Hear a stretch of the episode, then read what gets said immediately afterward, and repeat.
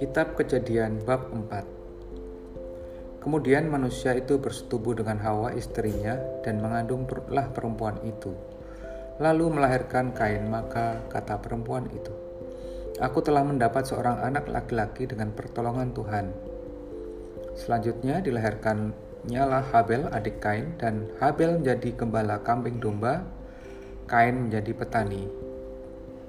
Setelah beberapa waktu lamanya, maka Kain mempersembahkan sebagian dari hasil tanah itu kepada Tuhan sebagai korban persembahan.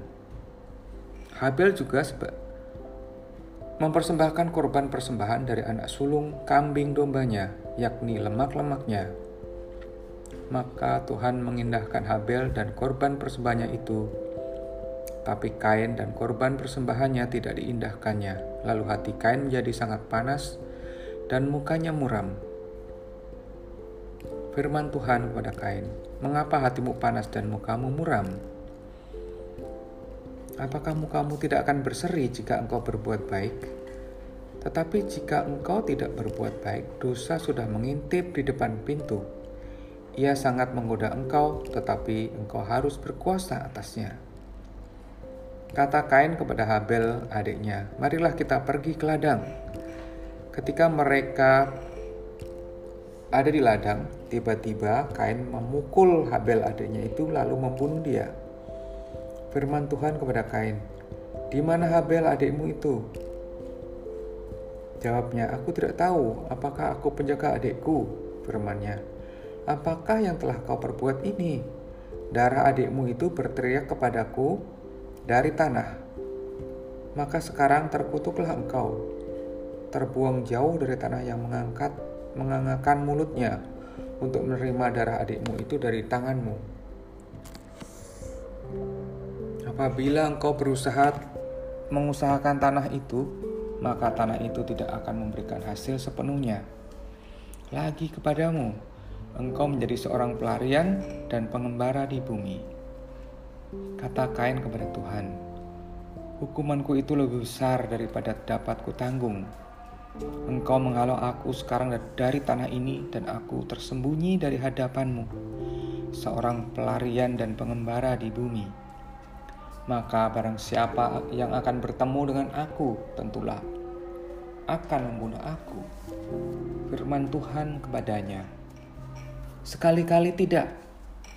Barang siapa yang membunuh Kain akan dibalaskan kepadanya tujuh kali lipat Kemudian Tuhan menaruh tanda pada Kain supaya ia jangan dibunuh oleh barang siapa pun yang menemu bertemu dengan dia. Lalu Kain pergi dari hadapan Tuhan dan ia menetap di tanah Nod di sebelah timur Eden. Kain bersetubuh dengan istrinya dan mengandunglah perempuan itu, lalu melahirkan Henoch. Kemudian Kain mendirikan suatu kota dan dinamai kota itu Henoch menurut nama anaknya. Bagi Henoch lahirlah Irat dan Irat itu memperanakkan Mehujael dan Mehujael memperanakkan Metusael dan Metusael memperanakkan Lameh. Lameh mengambil istri dua orang, yang satu namanya Ada, yang lain Zila. Ada itu melahirkan Yahbal, dialah yang menjadi bapa orang yang diam dalam kemah dan memelihara ternak. Nama adiknya adalah Yubal. Dialah yang menjadi bapa semua orang yang memainkan kecapi dan suling.